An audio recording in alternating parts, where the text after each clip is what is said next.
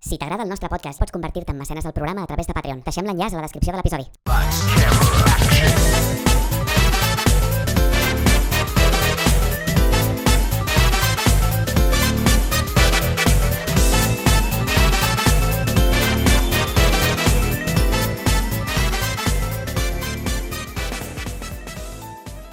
Benvingudes i benvinguts un cop més a la Fricoteca.cat. Jo sóc el Víctor, com sempre, i avui tinc un convidat no d'honor. Això ja és la lliga, no sé, és, és la lliga dels homes extraordinaris perquè tinc davant meu, encara que estigui de forma digital, en Roger Balmes, conegut per molta gent com a Dart Segador. Sempre diem, mig en broma, però jo dic seriosament que ets el patró de Star Wars de Catalunya, o del fandom de Star Wars de Catalunya, perquè d'alguna manera ens has reunit en, en un fandom positiu i, i bon rotllero. I no sé què més dir, però és que estic contentíssim de tenir-te de convidat a la Fricoteca. Roger, benvingut. Víctor, moltíssimes gràcies. Quants elogis, tu. No, ja saps que estic encantadíssim que m'hagis convidat a la Fricoteca. Feia molt de temps que esperava participar en un programa de la Fricoteca, que fa molt de temps que ens coneixem, fa molt de temps que us escolto, fa molt de temps que vens en, en els meus directes i encara no havia tingut l'oportunitat de, de participar en un programa d'aquest genial podcast. És que estava molt nerviós perquè no sabia com convidar-te. Perquè, clar, òbviament, si t'havia de convidar, el primer de tots era per parlar d'alguna cosa de Star Wars, però no sabia per on començar, perquè d'alguna manera, amb el Nacho sí que de tant en tant fem programes dedicats a les pel·lícules o, o al que sigui, però volia algun tema una mica més especial, alguna cosa una mica més... Um, no sé, que pogués aprofitar-te a tu, d'alguna manera, no? Perquè, mm, per qui no ho sàpiga, en, en Roger té un, un canal que es diu D'Art Segador, que es dedica bàsicament al, al món de Star Wars, a parlar de curiositats, a parlar de notícies, a parlar de... Bueno, de fet, parla'ns una mica tu del teu canal, Roger, perquè millor que tu no ho podrà explicar ningú. Com bé has dit, de temàtica 100% de Star Wars i 100% en català, com vosaltres. Llavors, allà doncs, eh, faig vídeos d'això de, de curiositats, eh, coses actuals, reaccions a trailers i les famoses cantines dels cubaquians, que són una sèrie de directes setmanals que molts, si ja em coneixeu, eh, coneixeu en Víctor, que també participa sovint en aquestes cantines, i, i molts altres companys, entre els quals altres convidats que també han passat per aquest programa de la fricoteca.cat. Per tant, si al final som tots una família i ens anem trobant en un canal o altre, en un lloc o altre, anem col·laborant. Jo t'ho dic de debò, és a dir, abans de conèixer les cantines dels cubaquians i els teus directes de, de YouTube, m'havia allunyat una mica del fandom de Star Wars per la toxicitat tan salvatge que s'havia apoderat d'ell una mica en l'última època, no? sobretot a partir del 2017 amb, amb l'estrena, no, perdó, 2015, amb l'estrena de, de la, um, del despertar, del despertar de la força. M'havia allunyat una mica perquè s'havia convertit en un espai no segur per, per gent com, com tu i com jo, que som fans de, de les seqüeles, però especialment per gent um, de col·lectius minoritzats. S'havia convertit en un, en un espai absolutament salvatge. I de debò, jo crec que aquesta última febre que he viscut en els últims anys de la meva vida relacionada amb Star Wars ha sigut en gran part, com deia abans, per l'espai que tu has creat, que no sé si ho feies amb aquesta intenció, però d'alguna manera o altra, amb el teu tarannà, amb la teva forma fàcil de fer les coses i de, no sé, d'intentar que la gent es porti bé i, i amb el teu positivisme en general, crec que has creat un, un espai que potser no hauríem de, de, de donar per sentat perquè, perquè és una passada, realment. La meva intenció inicial no era crear aquest espai així, però perquè és que la meva intenció no era ni crear un espai. Això va ser una cosa que es va anar formant de manera mm, totalment aleatòria i, i que no estava planificada.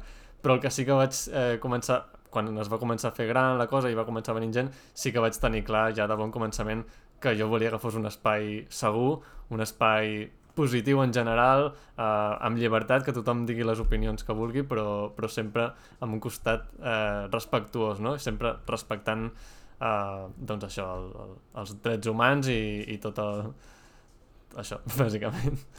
Sí, sí, que tenint en compte com funciona últimament el món friki en alguns, um, alguns Clar. indrets, um, sembla que és com una obvietat, però no ho és tant, potser, no? Sí, sí, sí.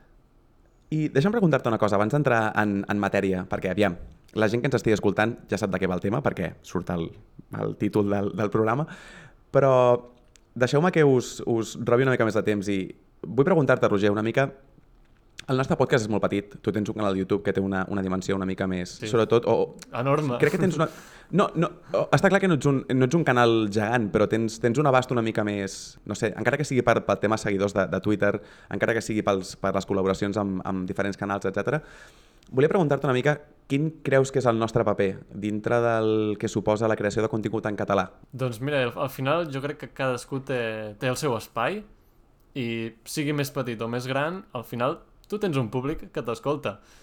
Per molt petit que sigui, tindràs gent que t'escoltarà i per tant, tot el que difonguis i de la manera que ho facis influenciarà d'una manera o altra a la gent que t'escolta. Per tant, és molt important, mm, siguis petit o gran, sempre la manera com, com t'expresses i, i, això, i, i quins, quin missatge dones. És que jo recordo quan, quan va començar el nostre podcast, quan, quan jo li vaig comentar al Nacho ei, mira, tinc aquesta idea, i el Nacho em va dir immediatament que sí, va ser una cosa com...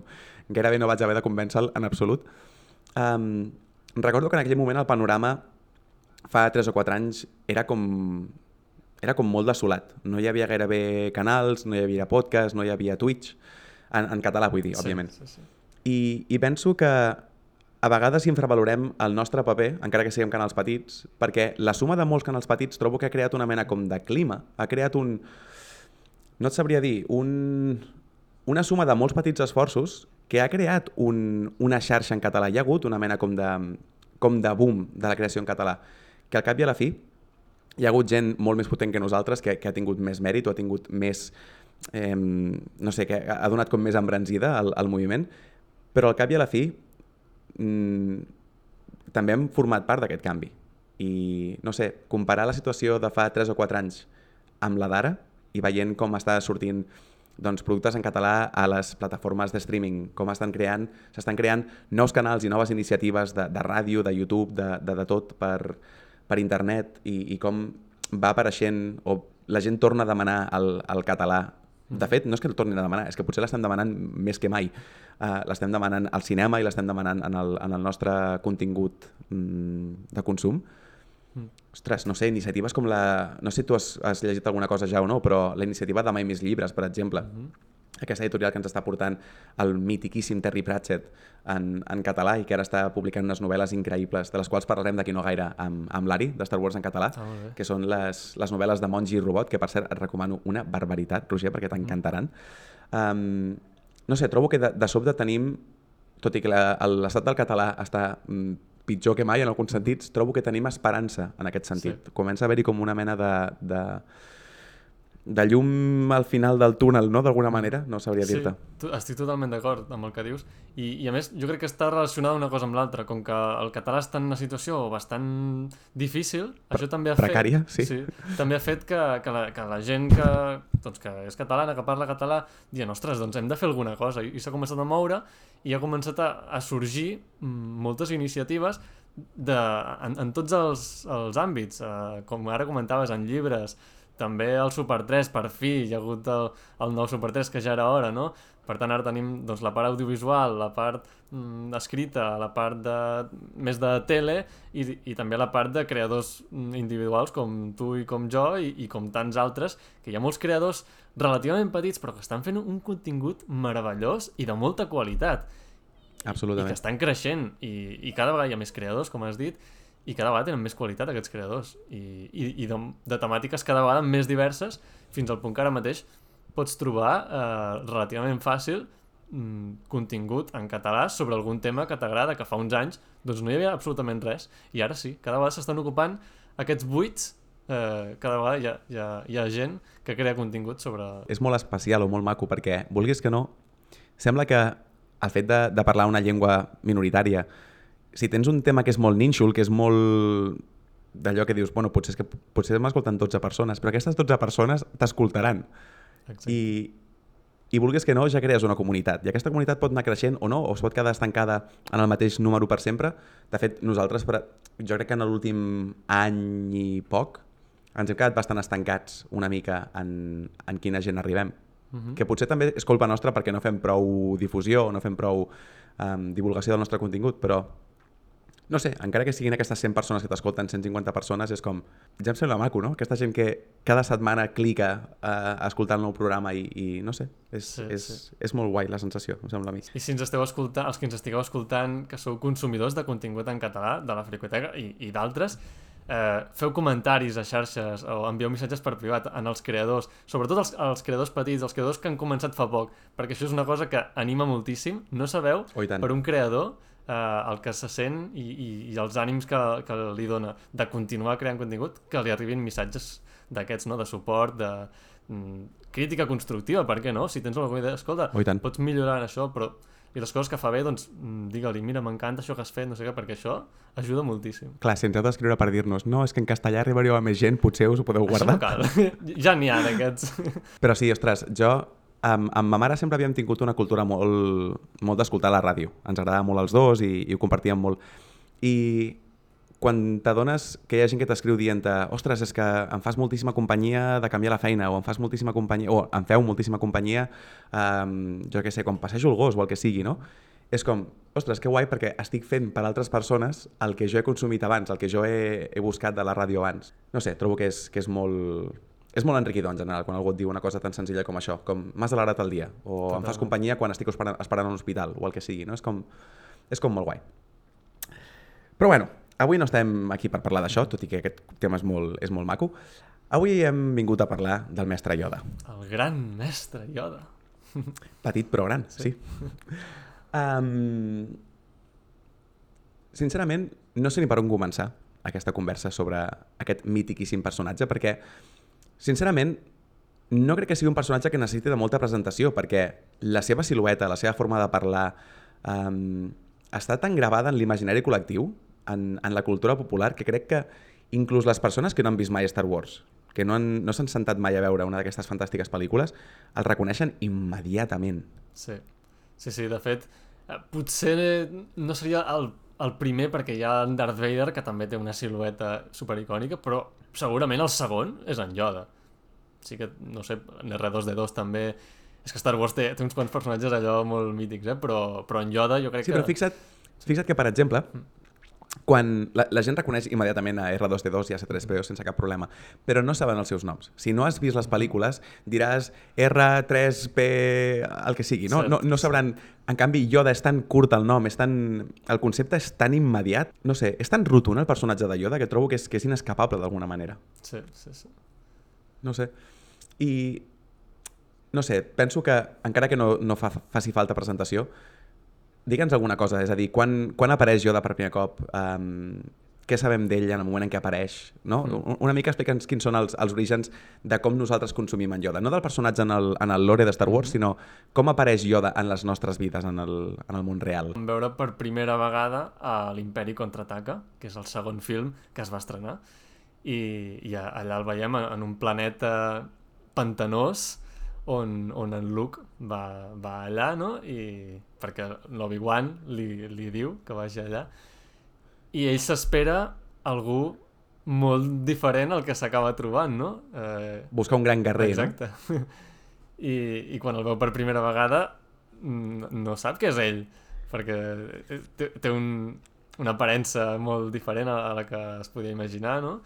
Però, però clar, aquesta és la gràcia també del personatge, no? De com és, com, com un personatge menut d'estatura eh, pot ser un gran guerrer i, i tot el que ha fet, no? I després, eh, clar, quan ja van veure...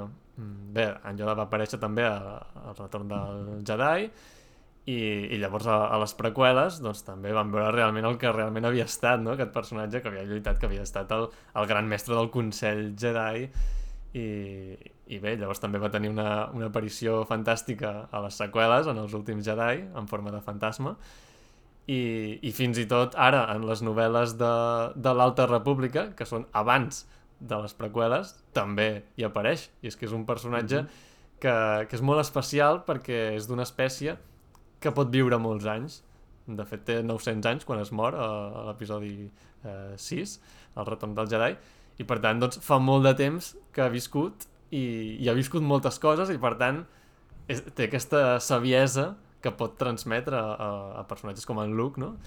I, i els seus aprenents. Una cosa que em sembla molt especial del personatge és que tot i estar present en gairebé tota la franquícia de Star Wars, perquè és una part important dels episodis principals, de les sèries animades, de les novel·les, en sabem molt poques coses. Sí. Trobo que és una, una de les grans claus del personatge, no? El... Jo recordo de petit estar fascinat pel seu personatge, però fascinat, perquè em semblava tan misteriós i volia saber més coses, però, però no, no era possible perquè no hi havia tampoc res, mm -hmm. uh, res publicat. Hi havia alguna, alguna, algun diccionari visual que deien alguna cosa de, de mm, les seves orelles, mm -hmm. però, però realment no hi havia res. Jo sóc dels que pensa que el misteri de Yoda s'ha mantingut misteriós a propòsit. Sí, sí. De fet, és, és una de, de, de la gràcia que té, no?, aquest personatge, tot el misteri que l'envolta, com bé dius, i, i és que realment hi ha moltes coses que, com comentaves, amb, amb els Wookiees, amb molt, moltes altres coses, amb el temps s'han anat expandint i hem anat coneixent, que també està bé, eh? Però uh -huh. també està bé que per a, en altres coses, com en Yoda, s'hagi mantingut durant tants anys, perquè és un personatge ja dels més antics de tots, i que durant tants anys s'hagi mantingut a, a, a, alguns misteris que jo crec que és que no se sabran mai.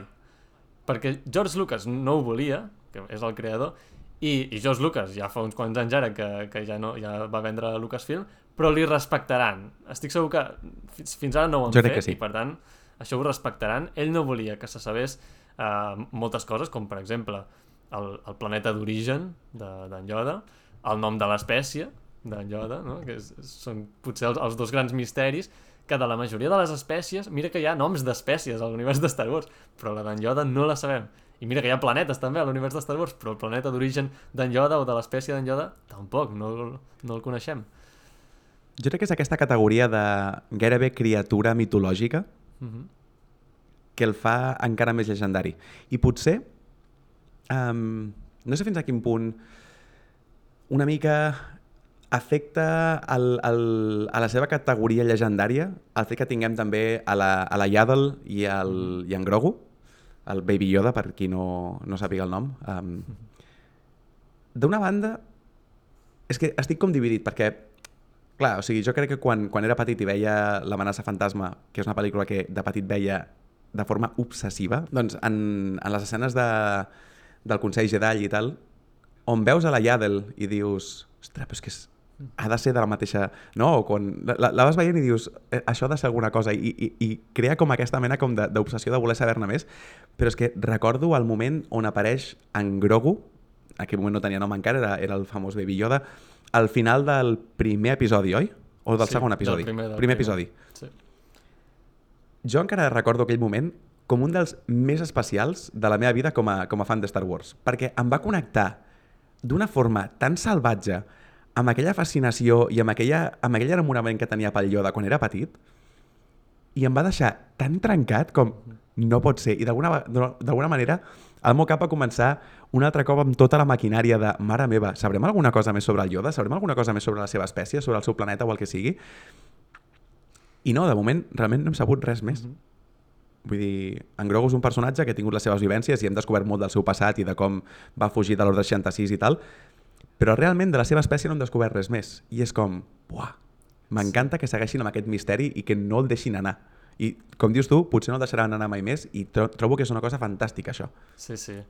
Ara que, que parles d'en Grogu, jo també, el moment d'aparició de- d'en Grogu al final del primer episodi de, de la primera temporada de Mandalorian va ser... Mira que hi ha, hi ha hagut moments a Star Wars que m'han fet emocionar moltíssim, però aquest és el que més. La reacció que vaig tenir quan vaig veure que era un nadó de l'espècie d'en Yoda és que dic, no em puc creure el, el que veig. Una reacció com aquella no l'he tingut amb, amb res més. Va ser, va ser increïble. I a més, a mi em va afectar de, de forma doble perquè, no sé tu algun cop, però jo per The Mandalorian no donava un punyetero duro. Mhm.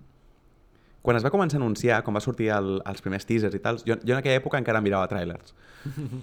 I quan va començar a sortir les primeres imatges, els primers trailers, vaig pensar, buf, o sigui, em, em feia com mandra, no, no et sabria dir. És a dir, allò que m'estaven ensenyant, d'alguna manera no m'estava captivant, no m'estava no m'estava fent aquest xup-xup. Mm, suposo que també perquè estava com molt obsessionat amb l'episodi 9 i la meva atenció estava posada en l'episodi 9 i era com, és que m'és igual la resta.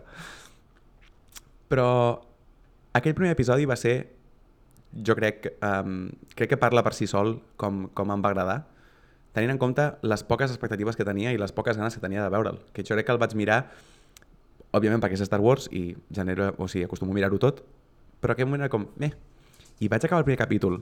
M'havia agradat tot el que, el que m'ensenyaven, eh? però quan va acabar amb aquesta escena de en, en Din Djarin mirant el, el, el cistell d'en Grogu, Sí. Mm, és que com dius tu, la, la reacció va ser com... Clar. I, Me'n recordo, crec, crec que vaig veure el capítol amb, el, amb en Nacho, si no m'equivoco. Uh. -huh. Crec que vam mirar el primer capítol junts. I, clar, o sigui, el, el Nacho i jo, que ens vam conèixer justament arrel de Star Wars, uh Mhm. -huh. quan érem els friquis del curs que no només havíem mirat les, mir- mirat les pel·lícules, sinó que havíem jugat als jocs, havíem llegit uh, diccionaris visuals, etc, que havíem parlat molt i havíem, havíem fet com moltes teories quan érem petits sobre, uh -huh. sobre en Yoda, sobre allò que no sabíem, no? Clar, aquell moment és com... sí.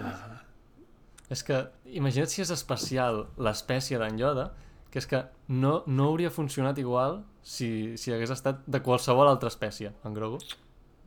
És, és el fet que sigui de l'espècie d'en Yoda, que té una màgia especial, Oh, i tant. i, i, per, i per això nosaltres, i, i tothom gairebé, va tenir aquesta reacció tan, tan màgica i tan especial, no? Per això, perquè és de l'espècie d'en Yoda. I crec que aquest fenomen que hi ha hagut arrel d'en Grogu, que ha fet que moltíssima gent que no fos fan de Star Wars mirés de Mandalorian, mm -hmm. o sigui, jo estic seguríssim que és inseparable l'èxit de la sèrie amb, amb, el, amb la marca d'en Grogu, mm -hmm. d'alguna manera. Sí. Per això crec que quan van fer aquells episodis intermitjos de, de The Book of Boba Fett que explicaven el retorn d'en Grogu mm -hmm. amb, en, amb en Din Djarin, amb, en, amb el Mandalorian, crec que va ser una, una decisió executiva perquè veien que no podien començar la tercera temporada sense en Grogu i era com, l'hem de ficar d'alguna manera. Crec que l'èxit de la marca Grogu, d'una manera, no es pot separar de el que dèiem abans de fins a quin punt és reconeixible en Yoda. Mm -hmm. És com, estàs agafant un personatge que és conegut per tothom, és a dir, no només per fans de la saga, sinó per tothom, i de sobte fas una versió cookie, adorable i nadó d'aquest personatge. És, és l'imant perfecte, és el, no sé, és el Sí, sí. parany um, més ben dissenyat de la història de Hollywood, em sembla a mi, o de, o de la història de, del cinema, perquè aquest imant Té, que té va tots fer que els la tantíssima gent, perquè funcioni. per fans i per no fans, Uh -huh. que això és un equilibri dificilíssim, perquè moltes vegades quan contentes molt als fans, d'alguna Sí. manera estàs alienant a la gent que no ha vist mai um, el contingut i per contra, quan intentes contentar a la gent que no ha vist mai el contingut, els fans acostumen a enfadar-se bastant. Mhm. Sí, sí, és veritat. Per tant, no sé. No sé de qui va ser la idea, no sé si va ser Fabró o Filoni o Kathleen Kennedy o la mare que els va parir, però van pitjar el botó adi- adient quan tocava i, i no sé, trobo Sí, que és sí. un d'aquests grans moments irrepetibles de la història de, I que potser... del fandom i del cinema. Sí, sí, totalment. I que potser mm, qui va tenir la idea potser tampoc s'esperava que funcionés tant, eh? perquè a vegades aquestes coses no les saps realment fins que passen. I jo crec que, que no s'esperaven potser ja sabien això. Aviam, òbviament fas aparèixer uh, un Yoda nadó i saps que tindrà... hi haurà rebombori al voltant d'això. Però jo crec que no, no s'havien imaginat mai que arribaria a ser el fenomen que, que va acabar sent.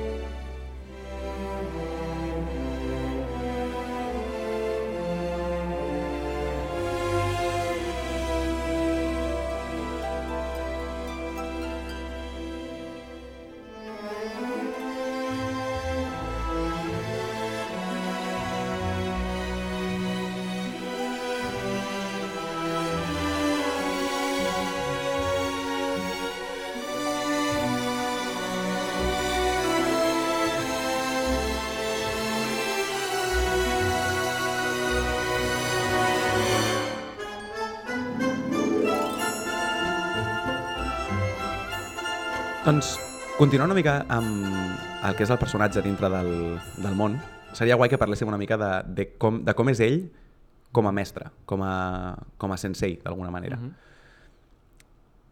Jo, amb el mestre Yoda, tinc una connexió molt especial, suposo especialment des de que sóc eh, professor, jo mateix. Uh -huh.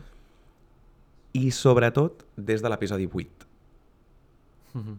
Perquè estàvem comentant abans com l'aparició d'en Grogu és un dels moments més especials i tal, però a mi l'aparició d'en Yoda a l'episodi a l'episodi 8 jo et diria que és potser top 3 moments de la saga per mi. Um, per moltes raons. Una, perquè trobo que la lliçó que l'última lliçó que dona en Luke, com a mínim davant nostre a la pantalla, és una lliçó amb la que estic molt d'acord, que és el fet de aprenem dels nostres errors i, i no hi ha res pitjor que creure que tens la resposta correcta o, o creure que, que, que, que saps més que ningú altre. Però sobretot perquè trobo que, d'alguna manera, mm, per mi arregla una mica la inconsistència que hi havia abans. Jo abans veia una diferència gegant entre el Yoda que se'ns presenta en l'episodi 5 i el Yoda dels episodis 1, 2 i 3.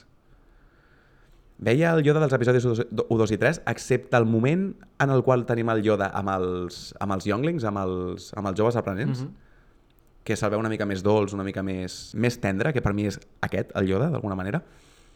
En les seves escenes al Consell Jedi, amb, amb l'Anakin i tal, el veia com massa dur, massa...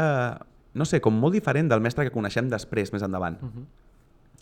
I per mi l'episodi 8 ho arregla això, perquè el que t'està dient és que el Yoda d'abans s'equivocava. El Yoda d'abans va cometre una sèrie d'errors que després el van alliberar una mica de, de la seva pressió de, de ser el gran mestre, de ser el gran guerrer o, o, el, que, o el que fos, no? Perquè jo crec que el Yoda de l'episodi 1, 2 i 3 està una mica crescudet, una mica cregut de si mateix, i després ha de passar alguna cosa, òbviament, que és el seu gran fracàs, perquè després de l'episodi 5 digui gran guerrer? No, no hi ha res que faci grandiós uh, de la guerra.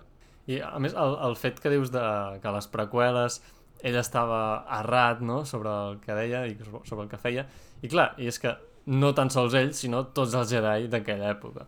I això també pens que engrandeix el personatge, l'humanitza, l'humanitza quan no és un humà, és- estrany de dir-ho, però ja m'enteneu, uh, fa que, que, que, que no vegis una figura perfecta, no? és que és, és el mestre dels Jedi i ho fa tot perfecte, no.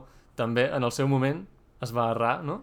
I, però això el va fer canviar i per això també veiem un Yoda diferent després de, del que era abans, no? Jo cre crec que tot això al final enriqueix el personatge. Ha deixat com una petjada molt forta en, en la cultura popular. Crec que sense el mestre Yoda no tindríem el senyor Miyagi de Karate Kid, per exemple. Crec que sense el mestre Yoda segurament no haguéssim tingut... No me'n recordo com es deia ara, um, a les pel·lícules de Kung Fu Panda, Sí.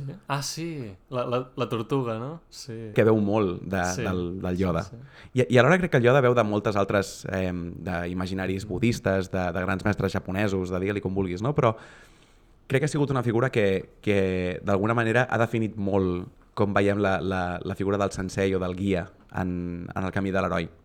sí.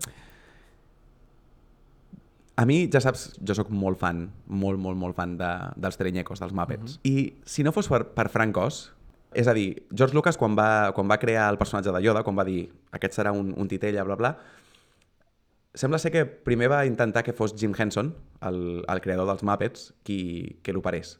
Jim Henson estava ocupadíssim amb 300.000 pro projectes en aquell moment, perquè era com el moment àlgid de, dels trenyecos, i li va dir, mira, jo no puc fer-ho, però que ho faci Frank Oz.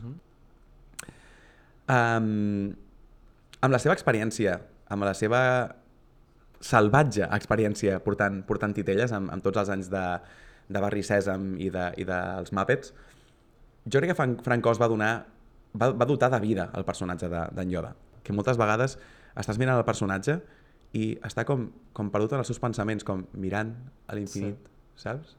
Com si li hagués passat alguna idea pel cap i l'estigués com, com contemplant.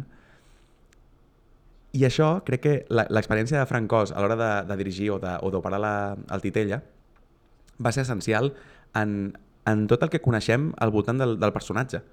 Perquè li dona una, una personalitat, li dona un, un carisma, li dona un, una vida que alhora fa que la feina de Mark Hamill, que va interpretar a, a Luke Skywalker, tingués una feina molt més fàcil perquè és el que diu molta gent que, que ha anat de convidada al, al show dels Muppets, que arriba un punt que te n'oblides que, són, que són titelles, perquè els porten d'una forma tan humana i tan viva que al final estàs parlant mirant els ulls del, del titella, no? I, I trobo que tot això són, són una sèrie d'ingredients que, com dèiem abans amb el tema del Grogu, potser ningú els va pensar, però eren com els, els ingredients que tocaven al moment que tocaven, que van fer que el personatge de sobte fes que la gent flipés, Sí, sí. no? Sí, sí. I a més és que es veu molt bé i, i més tenint en compte en el moment en què es va fer. És a dir, la, la, la feina que, que van fer, com ho van aconseguir, és bestial el resultat. I això que van provar diverses coses, eh? perquè ja eh, van provar fins i tot fer-ho amb un mico. Hi havia una idea original que volien fer-ho amb un mico. Ho van provar, no va funcionar i, i llavors van tirar per un altre recurs, però imagina't, eh? van fer moltes proves diferents fins que van aconseguir una de la qual el resultat és sensacional i, i ha quedat demostrat amb, amb, el, amb el pas dels anys que ara es continua veient brutal. Soc molt defensor dels efectes especials pràctics. És a dir, jo trobo que les pel·lícules has de poder sentir que les coses són palpables i són... que són allà. I per mi, el fet de convertir en Yoda en un personatge animat per CGI a les preqüeles, mm -hmm. de fet, bueno, a la primera pel·lícula, l'amenaça fantasma, primer era Sí. un titella, després ho van canviar per mi una cagada tremenda. Però, ostres, no sé, no no em transmet el mateix. No hi ha aquesta vida, no hi ha aquesta... No sé si, no sé si saps el que dic, eh? Sí, sí, totalment. I, I fins i tot, així com he dit que la titella ha envellit molt bé, el CGI al contrari, no? Potser sí en el seu moment es veia bé perquè era la, la tecnologia més novedosa del moment, al cap de pocs anys, relativament pocs anys, ostres, ha, ha baixat bastant categòricament. Bé, al final és d'aquestes coses que és en el moment en què es va estrenar, no? La trilogia original era un moment d'efectes pràctics, 100%, i les preqüeles era justament l'inici de, del CGI i de totes aquestes noves tecnologies digitals. Llavors, eh, mira, és, és el que tocava. Mm, jo, és la, amb la generació que he crescut realment amb les preqüeles i per tant jo sí que em sento molt ben representat amb el Yoda CGI. Mm, jo sóc fan del Yoda CGI. M'encanta l'expressió, em sento representat amb en Sí. Yoda CGI. En Yoda CGI em representa.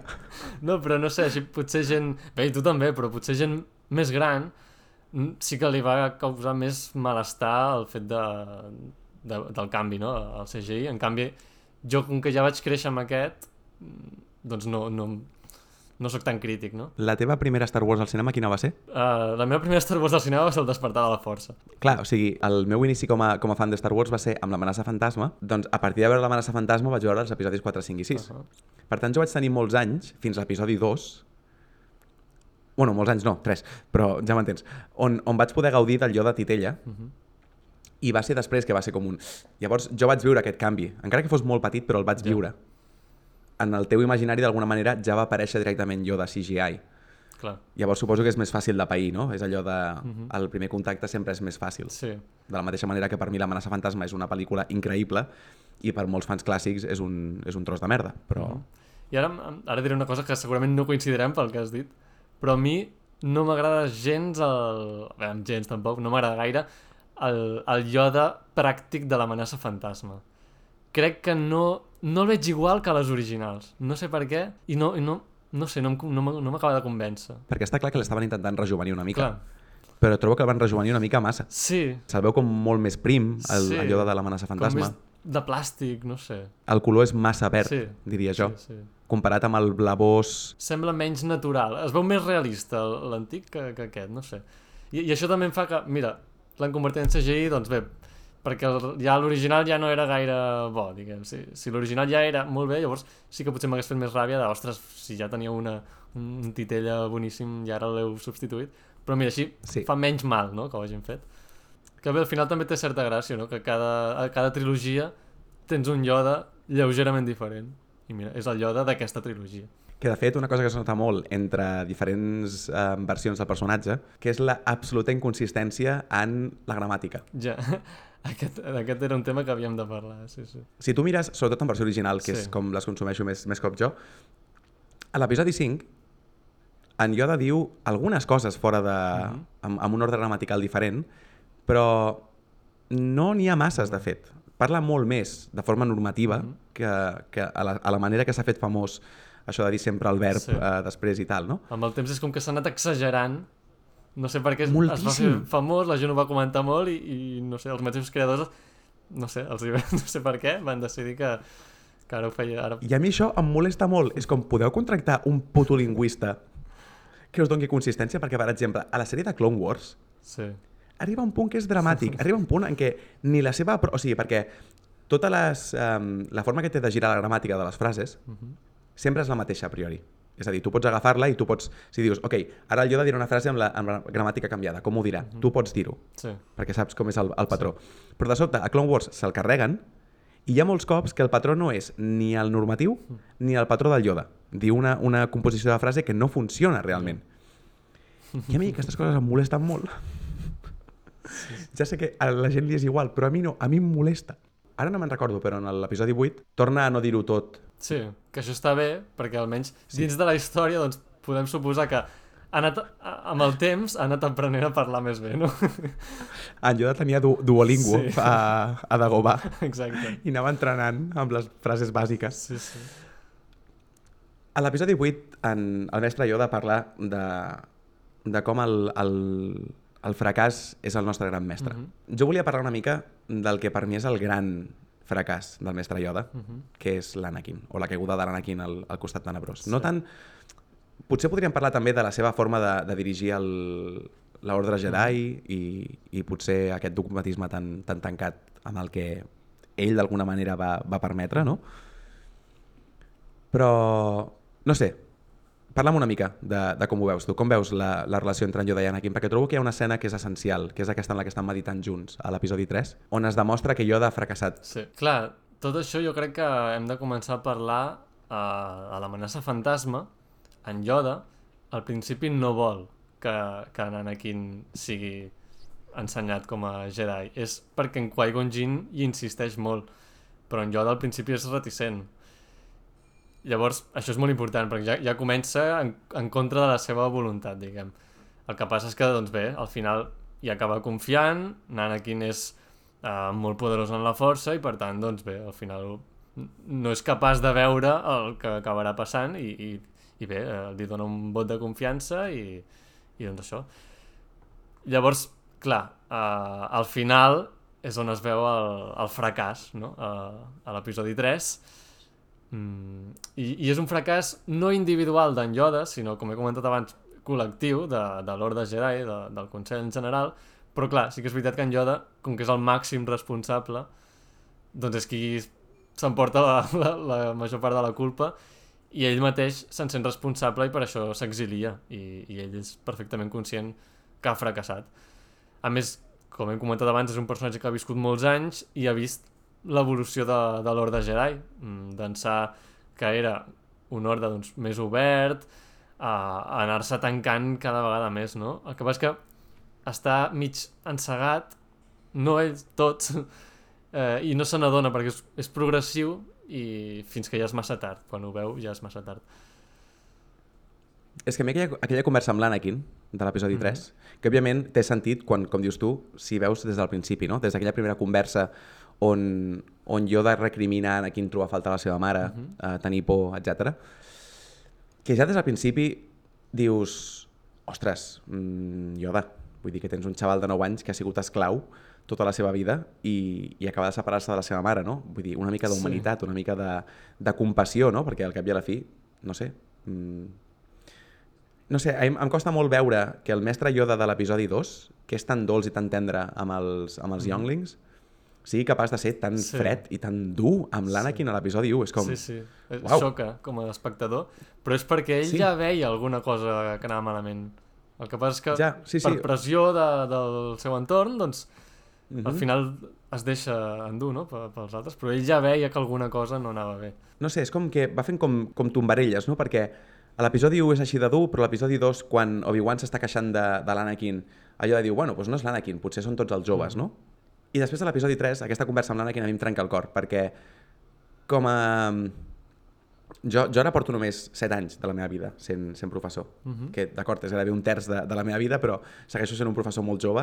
Uh -huh. Però si hi ha una cosa que he descobert, que és que els xavals l'únic que volen és que els escoltis moltes vegades i que els facis entendre que, que les coses aniran millor, que, que hi ha una sortida, que pots parlar, és a dir, que poden expressar-se, no? I quan Anakin acudeix a Yoda per meditar amb ell i per, i per buscar consell, Anakin està buscant una veu amiga, està buscant una, un consol d'alguna manera. I quan veus aquella escena, Yoda el talla completament. És a dir, és com... no, no vull que gestionis això, vull que ho tapis, Sí. vull que ho enfonsis i vull que t'ho empassis. I, I en aquesta falta de consol, és, el, és aquest fracàs el que fa que després Palpatine tingui una, una, una via tan fàcil, no? Perquè Palpatine és la mà amiga que ningú li ha donat a Anakin en tota la seva vida. Sí, sí. En Palpatine justament s'aprofita d'això, d'aquesta mancança de, de, dels Jedi en aquest darrer període que ja és, doncs bé, la, la, la culminació, no? Ja, és a dir, si ja havíem, havíem fet coses malament, en aquest últim període que veiem a la venjança del Sith ja és que tot, tot malament el que fan. A mi, aquella escena, o sigui, La venjança del Sith és una pel·lícula que a mi em- costa molt uh, de mirar, perquè trobo que a nivell emocional és massa intensa en alguns sentits i em posa, com, em posa molt trist a partir d'aquest moment, justament. Però, ostres, que quan estan parlant allà és que crido a la pantalla i estic com... Tinc ganes d'agafar el Yoda pel coll i dir-li com però vols fer el favor de, de dir-li alguna cosa que, que el faci sentir millor? Perquè Buah, no sé, clar que després en, en la seva trajectòria, en el, en el seu exili... Però clar, després què passa? Li arriba el Luke Skywalker i el torna a rebutjar de primeres. Uh -huh. I dius, ostres, Sí. mm, per favor, saps? Um, I després, oh, després coneixem el, el, el seu fantasma, no? que en la seva connexió amb la força s'ha convertit en algú molt més hippie, Sí. amb les seves idees. Sembla que quan es converteixen en fantasmes és tot ja molt més... no sé. Clar, perquè suposo que en aquell moment ja no tenen um, la limitació de la seva perspectiva en primera persona. Clar. Resulta, són un amb la força, per tant, Ja si són un amb la força... Una visió molt més àmplia. Exacte, se suposa que si ets un amb la força pots veure els designis de la força, no? O el, els fluids de la força, d'alguna manera, no et sabria dir. Um, però sí, d'alguna manera és reconfortant la seva presència a l'episodi 8. Sí. Com, no sé, arriba, d'alguna manera arriba tard, però arriba amb en Luke a donar-li aquesta mà amiga, aquest consol, aquest no és massa tard, encara no has fracassat, encara pots fer algunes coses, um, Sí. Clar, com deies tu, aquesta part més humana. sí. Arriba tard, però també perquè no sabem exactament com funcionen els fantasmes de la força, però si arriba en aquell moment i no ho ha fet abans és perquè segurament no ha pogut, perquè no, no poden aparèixer quan vulguin ells. No tocava. Exacte, no tocava. I, i, I fins que no va ser el moment idoni en què en Luke ho va necessitar, llavors és quan va aparèixer. Sí, igual que quan apareix el fantasma d'en Qui-Gon Jinn al final de, Clar. de Kenobi, Per què no? no que li diu, mai? què li diu? T'estava esperant o... Sí. En... Sí, una crec, que en, crec que és en Qui-Gon que li diu això en, a l'Obi-Wan, no? T'estava esperant. Clar, l'Obi-Wan li diu, una per cosa què així. no has aparegut abans? O mira que ho he intentat fa, feia temps i, i no... I, I la teva idea és que no era per mi, és, és per tu que no estaves en, en sintonia, no? No estaves en sintonia, exacte. No sé, no sé no, era, no era el moment Exacte, encara. sí, sí. sí, sí. O sigui, no, no és que els, fa- els fantasmes no poden aparèixer quan vulguin, és, és l'altre, és, és l'usador de la força que ha d'estar doncs, ben en sintonia amb la força i per llavors... Sí, passen com convergències, no? És a dir, és com quan en el fantasma del Yoda també es presenta amb, amb l'Ezra a, Mhm. a Rebels. Sí, Hi ha com... No ho sé, trobo que és... No, espera, ho estic dient bé? sí a Rebels. A Rebels es comunica amb Nesra.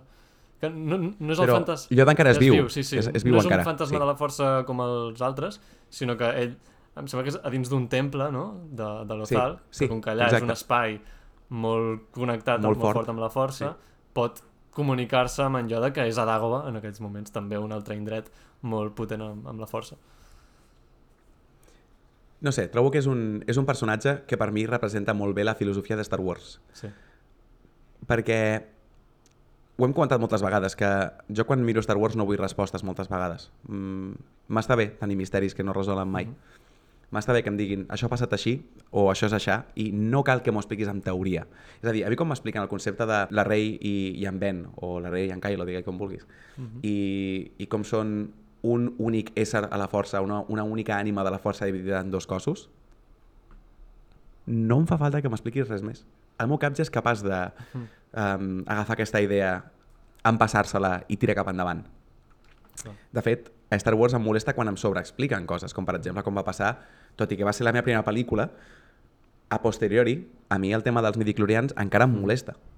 I, I, per exemple, tu mateix em vas dir un punt de vista que era que, bueno, potser en aquella època era una època més tecnològica, més, més científica i potser hi havia com aquest estudi de... Però a mi personalment trobo que hi ha vegades que les explicacions acaben trencant una mica el misticisme del que t'han presentat abans. I a vegades la pregunta és molt més atractiva que la resposta. Sí, sí. I trobo que Star Wars, on brilla més, és quan proposa preguntes, dubtes, mm, mites, d'alguna manera. Uh -huh. I Yoda és, per mi, com el, el centre d'això, no? És el mite de Star Wars, d'alguna manera. És la figura que representa aquest, aquest misticisme aquest, mm, que no, no acabes de saber i clar, això, això el fa molt especial. Doncs jo crec que una mica ja tinc, o ja he dit tot el que havia de dir. No sé si tu també, si vols dir alguna cosa més o no. Mm, Mm, Aviam, hi ha alguna coseta, per exemple, mm, hem parlat de, de la manera en què parla en Yoda, que relativament recentment hem sabut que no és un tema de l'espècie, sinó que és un tema seu, personal, perquè hem, hem Mhm. pogut sentir com parla a Yaddle, a, a Tales of the Jedi, i parla normal. Per Sí, tant, sí. és una, una qüestió d'ell. Res, simplement com a curiositat. que seria interessant saber si ho fa simplement per ser més místic o si no, igual potser té dislèxia, no ho sé. No ho sé. Um, mm, existeix la, la dislèxia en una galàxia molt llunyana? S'hauria de veure, no? Um, però bé, sigui com sigui, ha sigut un plaer mm, absolut tenir-te al programa, Roger, i espero sincerament que tornis perquè um, crec que estaria guai poder fer més programes eh, analitzant algun personatge en concret o algun, um, no sé, el que sigui. Um, espero que t'ho hagis passat bé, tu també. M'ho he passat superbé, superinteressant tot el que hem comentat. Uh, un plaer haver estat aquí parlant de- d'en Yoda, mm, que es diu, es diu aviat, però és que en Yoda és en Yoda, bé, ja ho hem comentat. En Yoda és en Yoda. Sí, sí, però jo encantadíssim de- d'haver participat i, i si em tornes a avisar per un altre programa, també encantadíssim de vindre. I potser un altre dia et dic que vinguis i parlem d'un altre tema que no sigui Star Wars, perquè també, vull també dir... m'agraden amb- coses que no són Star Wars, eh? que hi ha, hi ha vegades que la gent, clar, la gent per internet sobretot, es deu pensar que a mi només m'agrada Star Wars, no, no, també tinc una vida fora de Star Wars i també faig altres coses. Llençols de Star Wars, tovalloles de Tot- Star tot Wars, és- tasses de Star Wars... Sí, sí.